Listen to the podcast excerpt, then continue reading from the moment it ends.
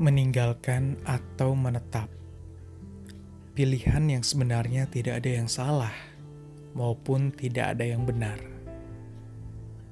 Meninggalkan juga bukan berarti menyerah, tapi kemungkinan bisa berarti sudah tidak ada lagi yang perlu diperjuangkan selain kebahagiaan diri masing-masing.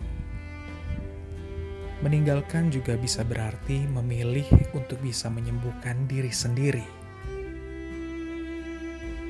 Bagaimana dengan menetap?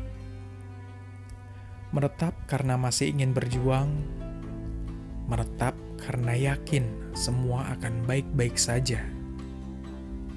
Menetap karena lebih memilih untuk membunuh ego dan memilih orang yang disayang. Ya, bisa juga, karena itu semua adalah pilihan. Apa pun itu, pertanyaannya adalah kamu yakin sama pilihanmu? Karena yang dapat menjawab itu semua adalah dirimu.